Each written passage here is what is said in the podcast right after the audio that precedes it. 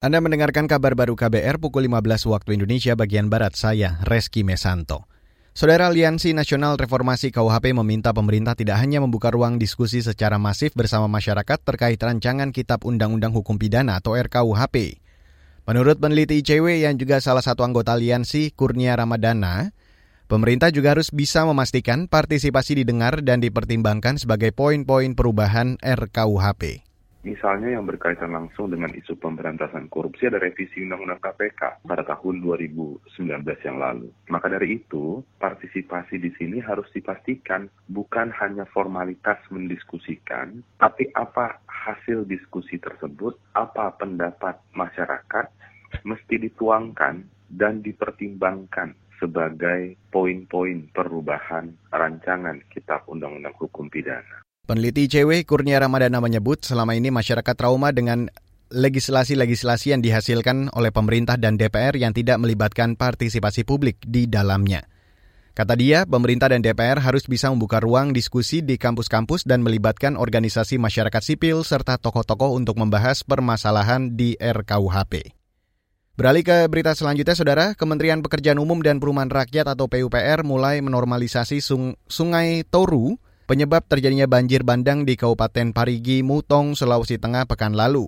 Menteri PUPR Basuki Hadi Mulyono menyebut normalisasi dilakukan dengan mengeruk sedimentasi dan pemasangan brojong atau penahan di alur sungai Toru. Dasar sungai Toru ini sudah hampir rata dengan uh, tanah kiri kanannya.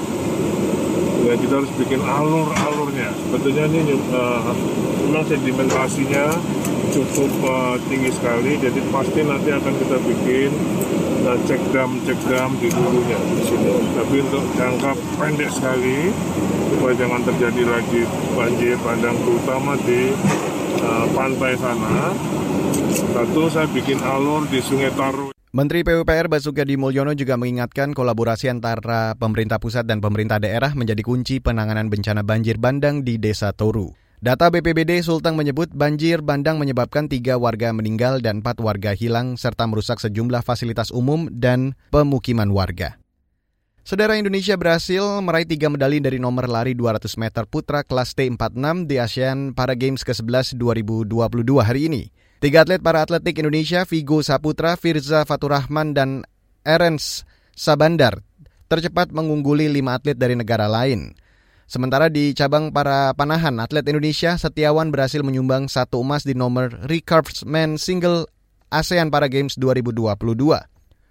Di cabang para renang, Jendi Panggabean sukses menggondol tiga medali emas.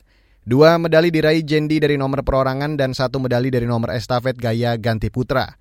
Hingga selasa malam kemarin, Indonesia masih kokoh di puncak klasmen dengan 35 emas, 28 perak, dan 13 perunggu.